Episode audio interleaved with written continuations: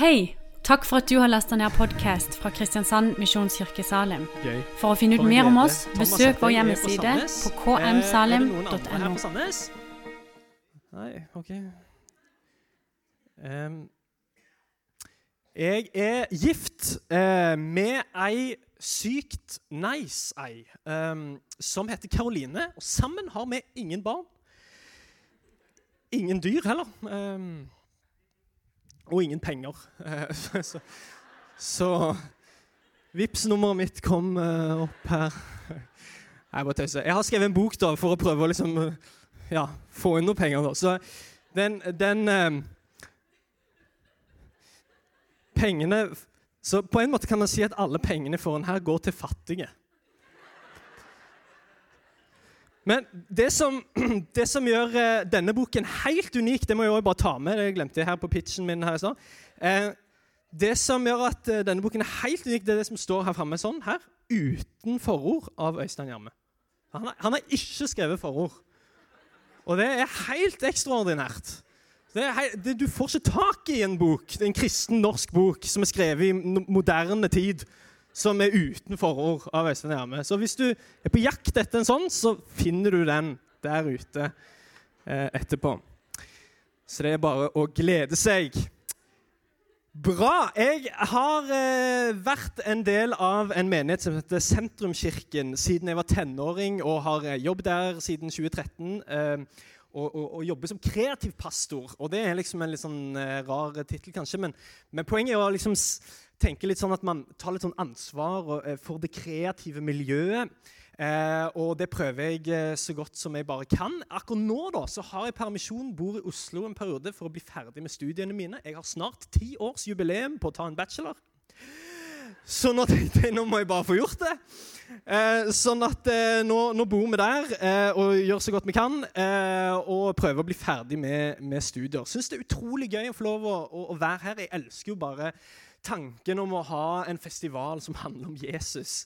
Og eh, jeg er en eh, person som er utrolig glad, eh, veldig, veldig glad i Jesus. Og jeg håper egentlig at de neste minuttene her skal få lov til å være en eh, At det skal få lov til å være liksom, noen minutter der man blir mer glad i Jesus, og der man oppdager mer av hvem Jesus er. Og der vi blir mer, liksom, får en større forståelse av hva han har gjort for oss. Og at vi får lov til å tilhøre han. For jeg tror at det er hele liksom, grunnmuren, det er hele fundamentet. Det er litt sånn som jeg nevnte eh, når jeg snakket om boka mi her, at at det handler jo egentlig bare om å forstå mer av hvem han er. Og når vi gjør det, så er det en del andre ting som faller på plass.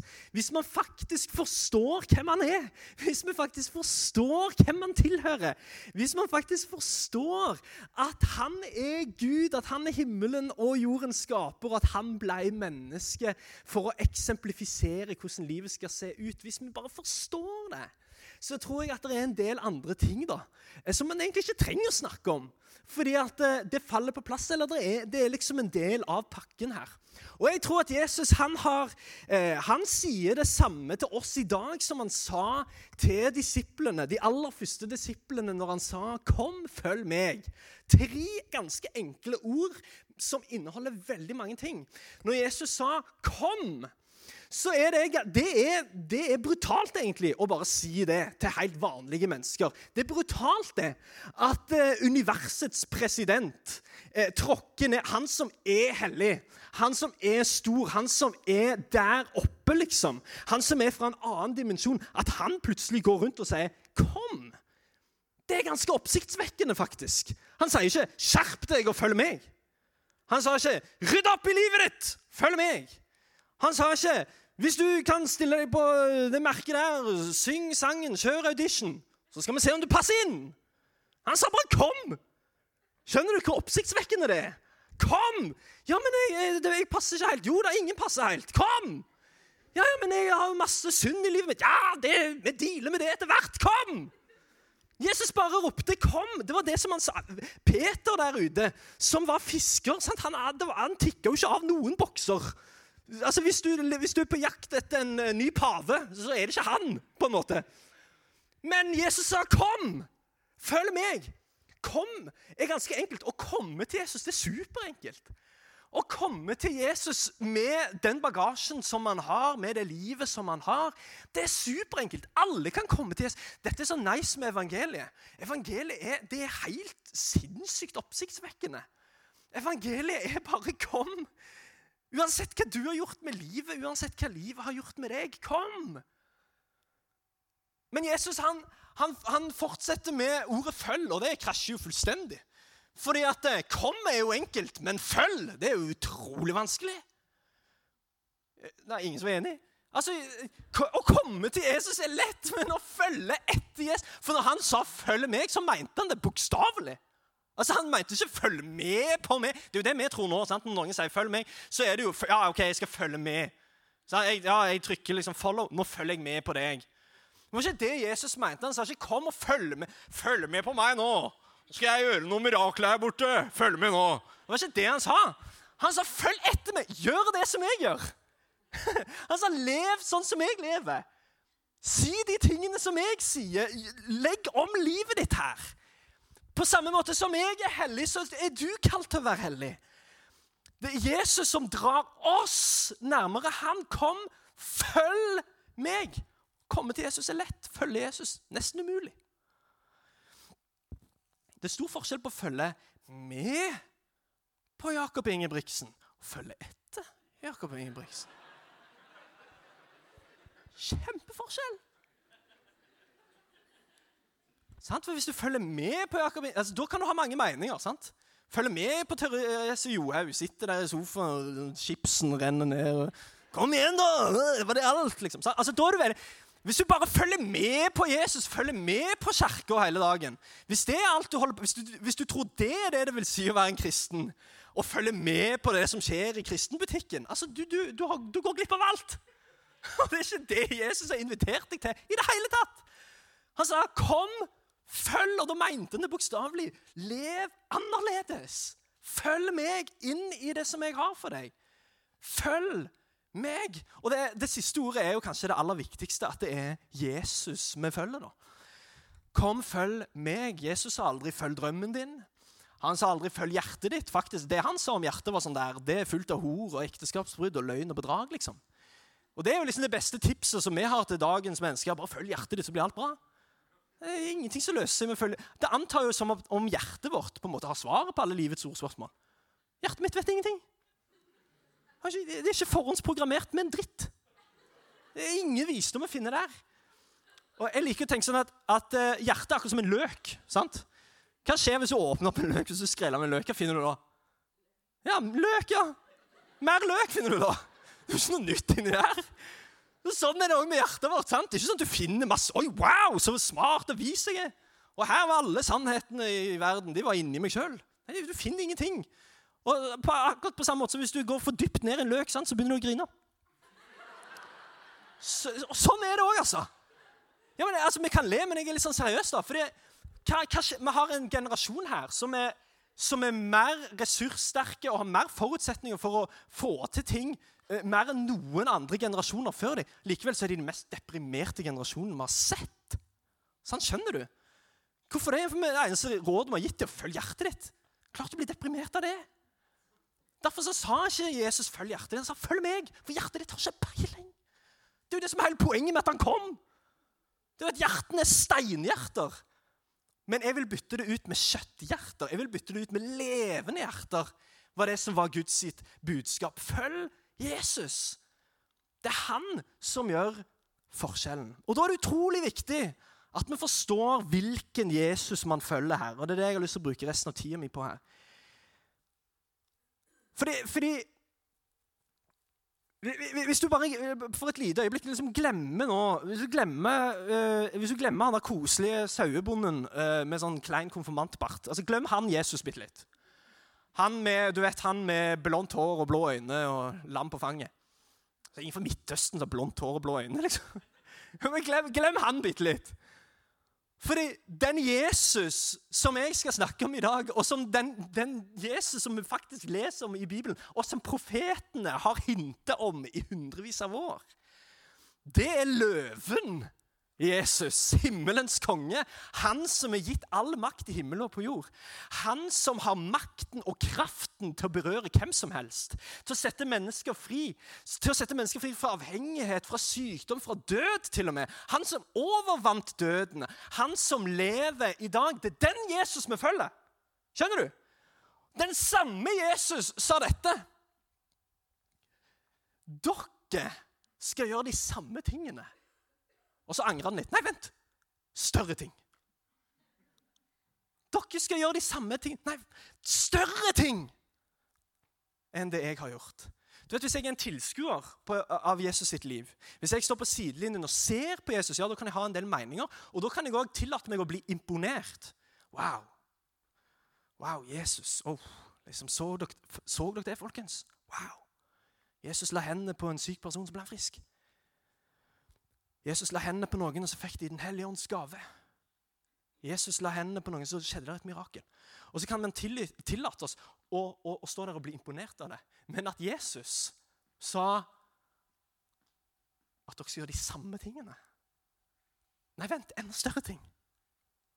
Vet du hva, da, da, står jeg på sidelinjen, og så kan ikke jeg lenger bare bli imponert. Da må jeg stille meg noen spørsmål. Hæ, er det sant? Er jeg en del av dette nå? Og hva gjør det med meg og mitt kristne liv? At på en måte han har gitt stafettpinnen til oss. Det er jo det som har skjedd. Han sa faktisk til disiplene det, det er faktisk bra at jeg drar. For da kan jeg sende talsmannen. Og Det betyr at Den hellige ånd er aktiv og til stede gjennom alle de som tror. Og Jesus inviterer oss plutselig til å være en del av det som han gjør på jorda. Til å være hans hender, til å være hans føtter, til å bety en forskjell. Til å møte mennesker med nåde og til å møte mennesker med sannhet. Og til å forandre verden. Jeg vet ikke om du har sett Narnia eller lest disse bøkene her. Eh, eh, Narnia-bøkene. Jeg jeg tror kanskje vi har også et sånn, eh, bilde av eh, noen av de ungene som drar inn i, i Narnia, denne, dette, denne garderoben. For, for, garderoben er en sånn portal inn til et forheksa eh, rike. Og eh, C.S. Lewis, som, eh, som har skrevet, skrevet denne boka, han, en, eh, eh, han, var en ateist og har en ganske sånn berømt omvendelse og, og liksom snudde opp ned på hele sitt liv. Han, han, eh, han skriver da i denne boken sin at eh, det er liksom en fiksjonsfortelling, det her. da. Men han skriver at det var fire eh, unger som går gjennom eh, en garderobe, og så kommer de inn til en ny verden. En forheksa verden full av ondskap og trolldom eh, og masse forskjellig. Eh, og så eh, går de inn der, og de blir kjent med liksom, en ny verden, en skremmende verden, en stor verden. Eh, og de vet at her er ikke alt som det skal være. Men de har hørt rykter da, om at kong Aslan kongen i dette riket han, Det er ingen som har sett ham på en stund, men de har hørt rykter om at kong Aslan er på vei tilbake igjen. Han, han skal ordne opp i ting. Og de blir kjent med herr og fru Bever, som, eh, ja, som er bevere. og, eh, og, og, de finner ut da, Det er noen profetier som også antyder at disse ungene òg skal være med og regjere sammen med kong Aslan når han kommer tilbake. Og de er jo helt overveldet av alle disse nyhetene. sant? Hva, hva skjer nå? Og så eh, syns jeg det er interessant, fordi at eh, disse ungene begynner, de har jo aldri møtt kongen her. Og, og, dette riket er jo så rart. Så hun yngste av disse jentene hun stiller et, eh, et logisk spørsmål til beverne. Hun spør ok, men han her kongen, er, er, er det et menneske. Eh, og, og eh, herr Bever han svarer noe sånt som at eh, Vet du ikke hvem som er dyrenes konge? Det er jo løven, selvsagt. Løven, Og da mener han løven med stor L, altså. Eh, for kong Aslan er ikke bare en løve, han er løven. Han er kong Aslan. Han er sønn av den store keiseren. Hele dette riket tilhører han. Og Da blir en av de andre ungene ganske skremt og sier oi, alle dager, en løve er jo ganske Nå er, ble jeg eh, ganske nervøs. Er han trygg, eh, denne løven? Liksom, er jeg ganske nervøs for å møte en løve? Og Da sier fru Bever da, ja, og nervøs skal du være. Og så er det ingen som møter, går liksom, møter kong Aslan ansikt til ansikt uten å skjelve i buksene sine. De er i tilfelle usedvanlig eh, modige eller usedvanlig dumme. Så en av de andre ungene da konkluderer ok, så han er ikke trygg. Og da sier herr Bever, og dette er mitt poeng i dag, da sier herr Bever, hvem sa noe om å være trygg? Det er jo en løve. Han er jo ikke trygg, det er jo en løve. Men så sier han men det er en god løve. Det er en god konge. Hvem sa noe om å være trygg? Det er jo en løve vi har med å gjøre. Men det er en god løve. Det er en god konge. Dette å være kristen, det handler om å tro, tilhøre og tjene en god konge. C.S. Lewis, som har skrevet disse bøkene, han eh, lærer oss egentlig to ting om Jesus gjennom Narnia. Det ene er at Jesus er en løve av en konge, altså. Men det andre er òg at eh, Jesus er en god konge. Og Vi ser det òg i evangeliene. Jesus er kongen som ikke er redd for å konfrontere der det skal konfronteres. Han er ikke redd for å tale sannhet der folk bader i løgn. Men det jeg elsker aller mest, det er ikke bare at han kommer der med sannhet, men han kommer der òg med nåde. Det er nåde i hans blikk. Han er en god konge. sant? Han er en konge med medfølelse. Han er en konge eh, full av kjærlighet. Det bobler over av kjærlighet. Han er en konge som bobler over av godhet. Han er en konge som ikke var redd for å miste ansiktet, for å bøye seg ned for å være en tjener. Og for å vise en gang for alle hvor mye himmelen elsker oss.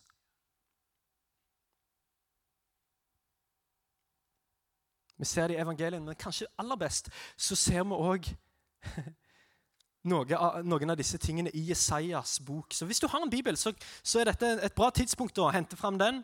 Eh, Jesaja kapittel 6 skal jeg lese fra. Eh, tror òg vi skal klare å få det opp på skjermen. Jesaja kapittel 6, vers 1-8. Eh, og Det som eh, er konteksten her, det er egentlig det at Jesaja 700 eh, år cirka, før Jesus blir født, så skriver han en hel del greier om Jesus. faktisk. Mange kjente beskrivelser om Jesus sin eh, død på korset. Blant annet. Men han skriver masse sånne frampek, masse profetier om Jesus. Og, eh, så kommer vi til kapittel 6, og der får man liksom litt innblikk i hva som er hans personlige historie. Profeten Jesaja. Og Jeg skal gjøre noen konklusjoner her, men, men eh, la meg bare lese til deg, og så tar vi det derfra. Går det, går det greit, dette her, med alle? Ja, jeg syns egentlig det går ganske bra, det her. Jesaja 6, kapittel 6, vers 1-8. I det året da kong Ussia døde By the way, jeg stopper allerede her, jeg, hvis jeg går fint. Men det er så deilig. Eh, bare i hva som står her, at eh, kong Ussia dør eh, det var samtidig som når kong Ussia dør, at han så Herren sitte på en høy opphøyd trone. Altså, Konger kommer og går, men Herren han blir stående. Han blir stående på en høy og opphøyd trone. Og Hør på denne rare setningen. Og kanten på kappen hans fulgte tempelet. Serafer sto overfor ham. Hver av dem hadde seks vinger, og med to dekket i ansiktet, med to dekket i føttene, og med to fløy de, og de ropte til hverandre, hellig, hellig, hellig er Herren Sebaot. Og hele jorden er full av Hans herlighet. Røsten som ropte, fikk boltene i dørtersklene til å riste, og huset ble fullt av røyk. Da sa jeg, ved meg, det er ute med meg, for jeg er en mann med urene lepper, og jeg bor i et folk med urene lepper, og mine øyne har sett kongen, Herren over herskarene. Og Da fløy en av serafene bort til meg. I hånden hadde han en glo som han hadde tatt med en tang fra alteret. Og med den rørte han ved munnen min og sa, Se, denne har rørt ved leppene dine. Din skyld er tatt bort, og din synd er sonet. Da hørte jeg Herrens røst. Han sa, Hvem skal jeg sende, og hvem vil gå for oss? Jeg sa, Jeg Send meg. Det er en intens historie, dette. Eh, og vi kan spørre oss selv hva er det som foregår her, egentlig? Jesaja var en rettferdig mann. Kanskje, i den grad man skal liksom klassifisere menneskers rettferdighet, kanskje var han den mest rettferdige i Israel på denne tida. Han, han levde i en tid med stort moralsk forfall. Eh, med, med avgudsdyrkelse, og det var undertrykkelse av fattige. Og de som var prester og profeter, de drakk seg helt sørpings eh, og var bare opptatt av makt og opptatt av status. Det, er den konteksten Jesaja beveger seg i. Han var en av de eh, mer rettferdige Eller sånn som man sier på Jæren, han var heile ved denne mannen. Heile ved. Hva betyr det? Hans offentlige og private liv hang sammen. Han, han, han var en kjernekar, som man sier. Og plutselig så befinner han seg ansikt til ansikt med kongen. Og han skjelver i buksene. Enten så var han usedvanlig modig eller usedvanlig dum. Eh, eh, og han var ingen av delene. Han skalv i buksene. Eh, når han så det som han så. Når han, så, når han var vitne til å være i nærhet av kongen, i Guds nærvær Du skjønner det? Guds nærvær kan være sinnssykt ubehagelig. Guds nærvær kan være utrolig ubehagelig. Hvis du har tenkt å, du har tenkt å holde fast på din stolthet, da er, er hans nærvær ganske ubehagelig. Ikke bare ubehagelig, farlig. Hvis man leser Gamle testamentet. Farlig å være Guds nærvær. Så man ikke beveger seg inn i det i en slags ydmykhet. Og, og Han står der og han sier disse ordene. Ved meg, der ute med meg. Hvem var det han så egentlig?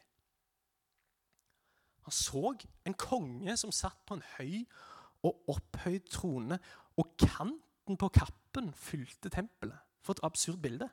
Så får du en kant på en kappe fylte dette rommet, liksom. Kanten på kappen fylte tempelet. Han så kongen på en høy og opphøyd trone. Og når stemmen lød fra denne kongen, så rista det i dørterskelen, altså. Hvem var det han så? Bibelen er jo tydelig på at ingen, ingen har noen gang sett Gud. Sant? Hvem Var det han så? Var det en engel han så? Nei, det var jo ikke det, for det var jo serafer og engler rundt denne kongen. Som sang, og som tilba, og som tjente kongen. Hvem var det han så? Dette er jo 700 år før Jesus. Hvis man spoler 700 år lenger fram, da, så gikk jo Jesus rundt og gjorde godt. og eh, Han berørte mennesker. Og En av de han berørte, var denne dama som hadde vært syk i tolv år. Jeg vet ikke om du kan den historien. Men eh, det er ei dame som har vært syk i tolv år. Hun har hatt blødninger. Eh, og Spesielt når det har med blod å gjøre, så er du, du er utestengt. Du kommer ikke inn i synagogen. Du er urein. Bare hvis du var borti denne dama, så ble du sjøl urein ut dagen. Dette var ei dame som hadde altså du skjønner, Den sosiale sirkelen hadde blitt mindre og mindre. og mindre. Det var jo egentlig ingen som kunne være med henne, eller ville være med henne. Eh, men hun hadde tydeligvis en eller annen form for eh, en eller annen form for håp. da. Fordi Når Jesus går gjennom byen, så tenker vi seg sjøl jeg, jeg, må komme i kontakt med han her. Og Det kan umulig ha vært første gangen du har hørt om en eller annen mirakelmann som har gått gjennom gatene der og, og påstått å ha helbredende evner. Og Mange ganger har du kanskje tenkt jeg trenger å komme i kontakt med denne mirakelmannen.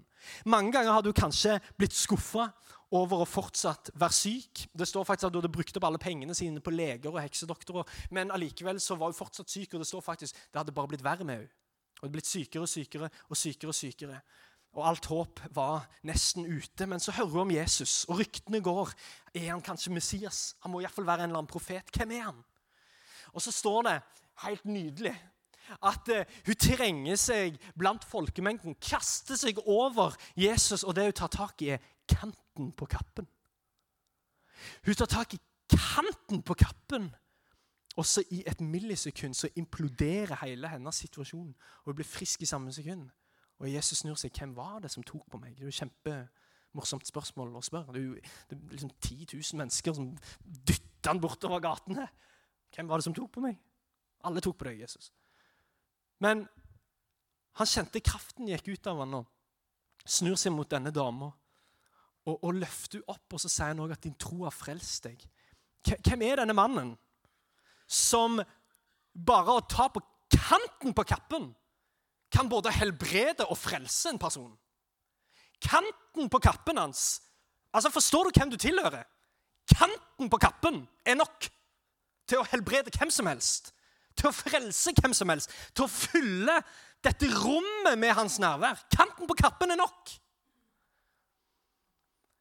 Og det var jo selvfølgelig Jesus Jesaja fikk et bilde av her, eller fikk se her, en preinkarnert versjon, om du vil.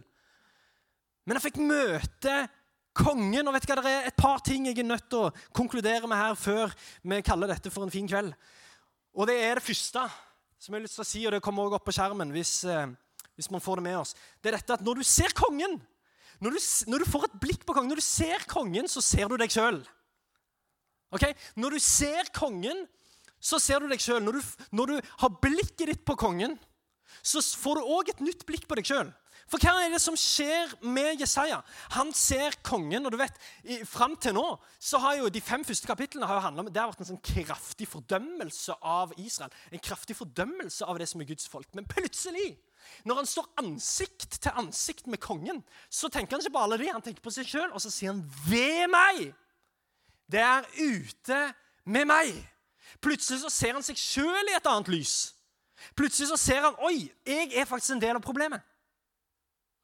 Jeg, jeg, jeg har òg ureine lepper, og jeg bor i et folk med ureine lepper. Fram til da så hadde han fordømt verden, men nå innser han at han er jo òg en del av problemet. Det er litt som når stø, altså, har, du sett, har du tenkt på det? Når vårsolen sniker seg inn, og så ser du alt støvet på rommet. Har du sett det?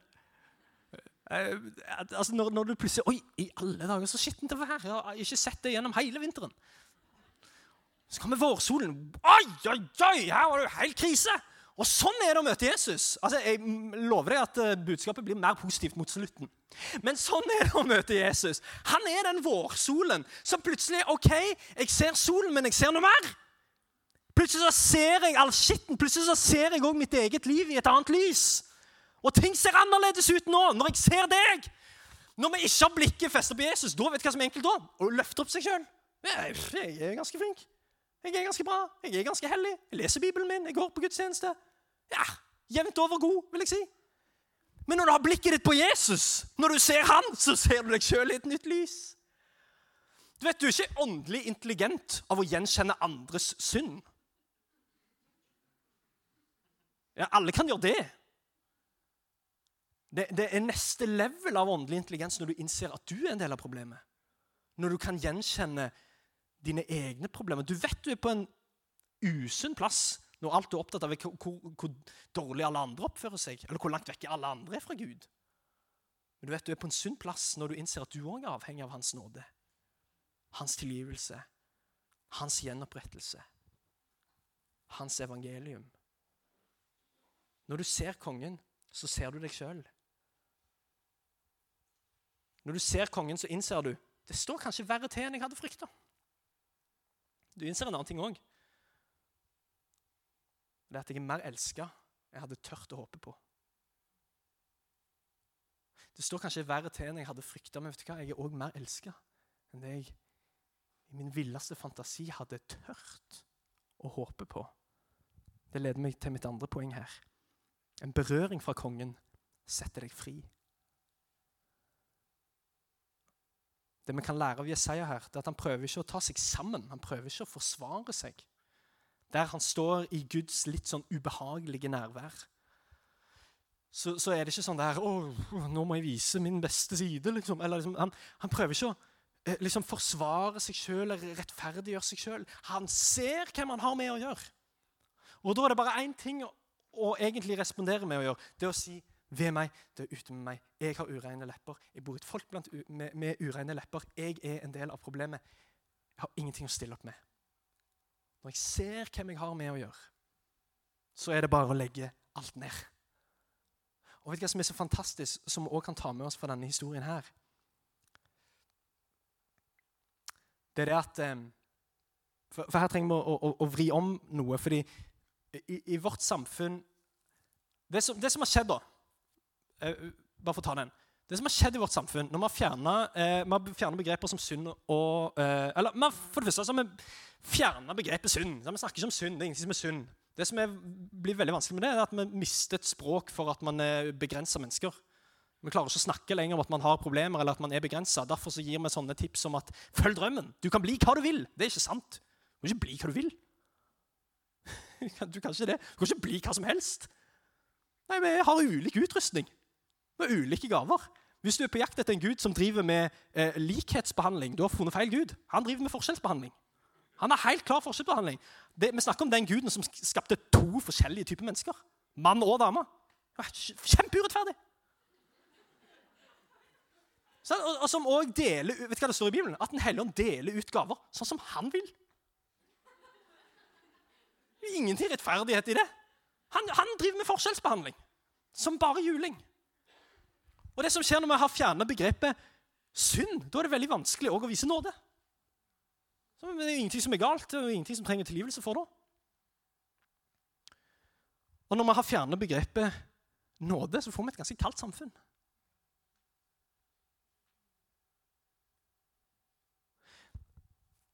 Derfor er det sånn at Når folk bekjenner ting i, i dag, så må de gå av. skjønner Du Du må slutte jobben din da.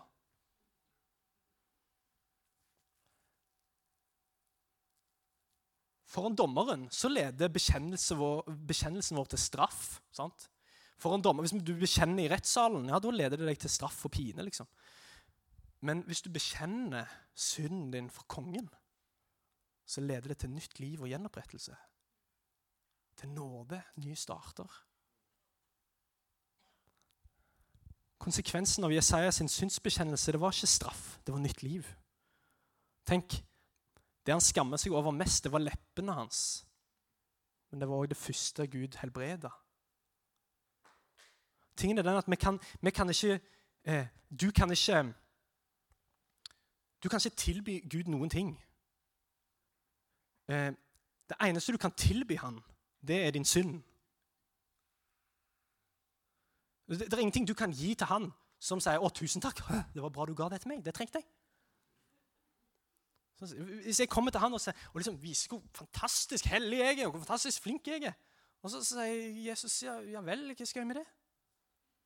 Men, men, hvis du kommer til han med din synd, med din skam, med dine feil, med dine mangler, så sier Jesus nå snakker vi. Nå kan vi, nå kan vi bytte handel, meg og deg.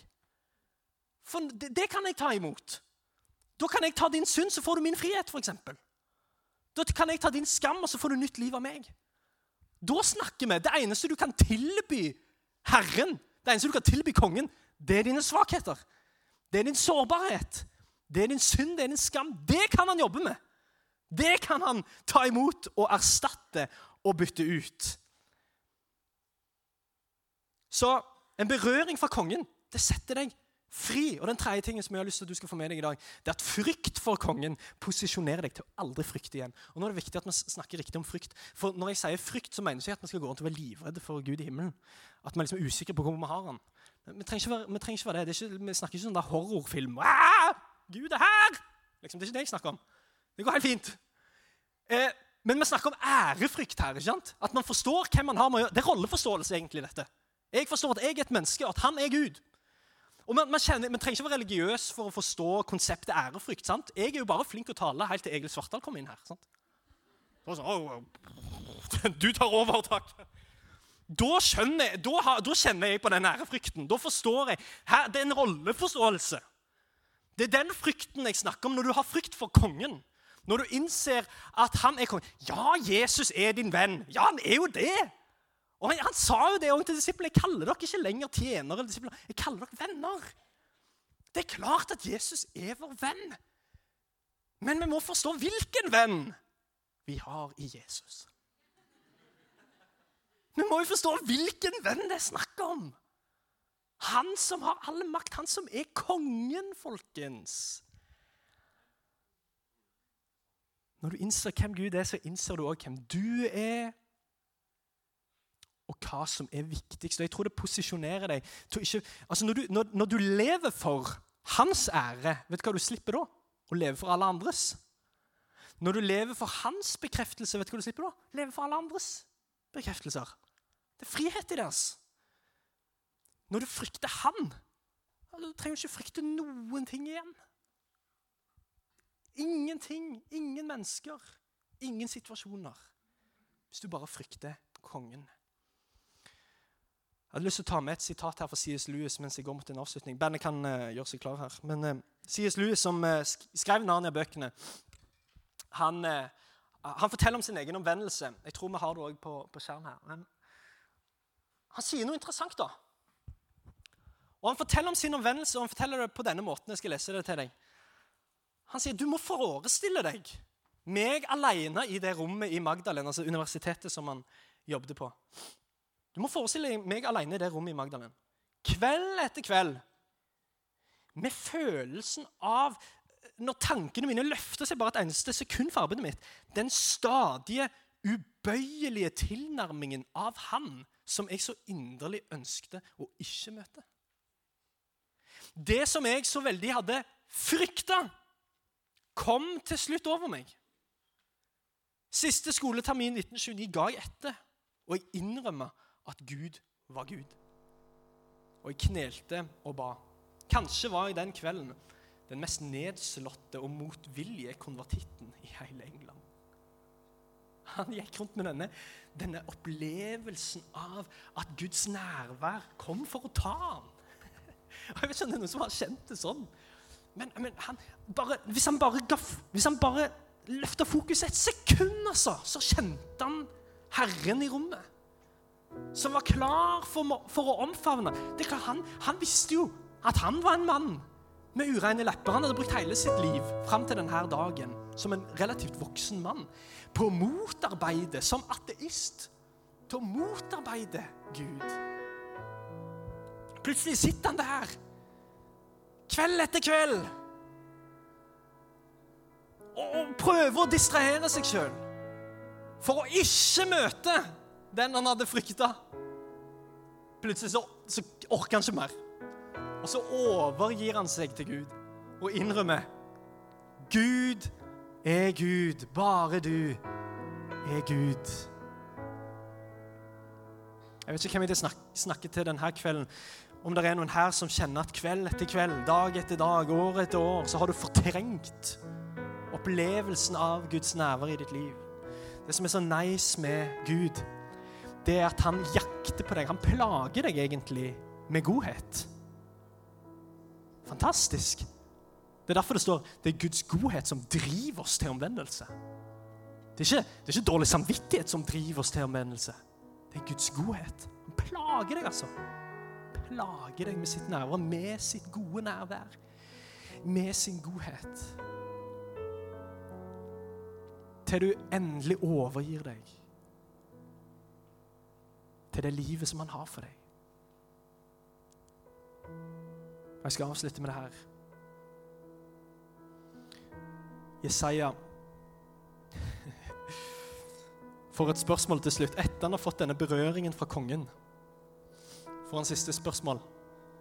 Og, og Det er litt sånn retorisk og det er litt morsomt nesten at Gud spør hvem vil gå for oss? Det er liksom bare én fyr.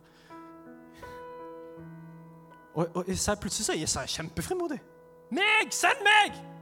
Skjønner du? Det var han som 15 sekunder siden sa 'Ved meg, det er ute med meg'. Hjelp, liksom. Men etter en berøring fra kongen, etter å ha fått erstatta sin synd og skam med nytt liv og gjenopprettelse, etter å ha fått erstatta den dårlige samvittigheten med nåde, så ble han plutselig kjempefrimodig i Guds nærvær. Det nærværet som han var redd for for ikke så lenge siden. Plutselig så elsker han å være der. Plutselig er det eneste han vil, det å ha mer av det. Hvem vil gå for meg? Jeg sier, 'Meg, please, meg. Send meg.' Han vet ikke hva spørsmålet er engang. Jeg sier ja. Hva var spørsmålet? For jeg bryr meg ikke. Det, storm og lidelse, det må gjerne komme min vei. Så lenge det er med deg, Jesus.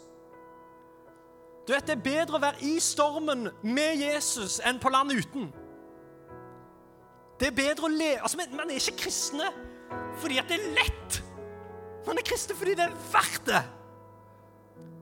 Vi er kristne fordi det er godt for oss å være i hans hender. Han er en løve, ja, han er det, men han er en god løve. Han er en god konge, og alt han vil, er å lede deg inn i et større liv. I nærværet hans Når Jesus henger på korset, tenk over det, når Jesus henger på korset, så er det to røvere ved siden av ham. De to fortjener å henge der. Jesus gjør ikke. De to har masse ting å skamme seg over. Jesus har ingenting. Han henger der uskyldig. For han er både løven og han er lammet. Og der henger han som et lam, som et slakta lam. På korset der. Og det er to røvere. som- Og han ene han benytter anledningen på å spotte. Og på å snakke ned Jesus og sier Du som er liksom er frelseren, kanskje du bare frelser deg sjøl og går ned derfra og ler. Og, og så står han andre på andre siden så sier han sånn Har du ingen frykt for Gud? sier han. Har du ingen frykt for Gud? Forstår, forstår du ikke hvem som henger her? Vi fortjener å henge her. Men han gjør ikke det. Og så sier han verdens vageste bekjennelse noen gang. Han sier 'tenk på meg'. Det er vagt, ass. Kan du tenke på meg når du kommer inn i ditt rike? Men I den der ganske vage bekjennelsen så ligger det veldig mye. Han anerkjenner at, at han har et kongedømme, at han har et rike. Og i samme slengen så ligger det implisitt at da er jo han kongen. Tenk på meg når du kommer inn i ditt rike. Og Jesus sier at du skal bli med meg i dag.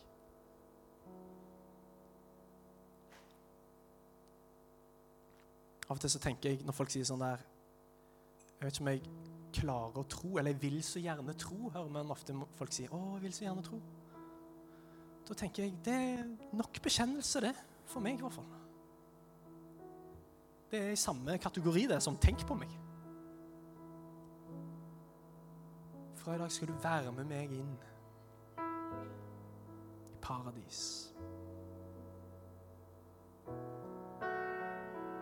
Kan vi ikke lukke øynene der vi sitter bare i et minutt eller to? Og så har jeg lyst til å bare gjøre denne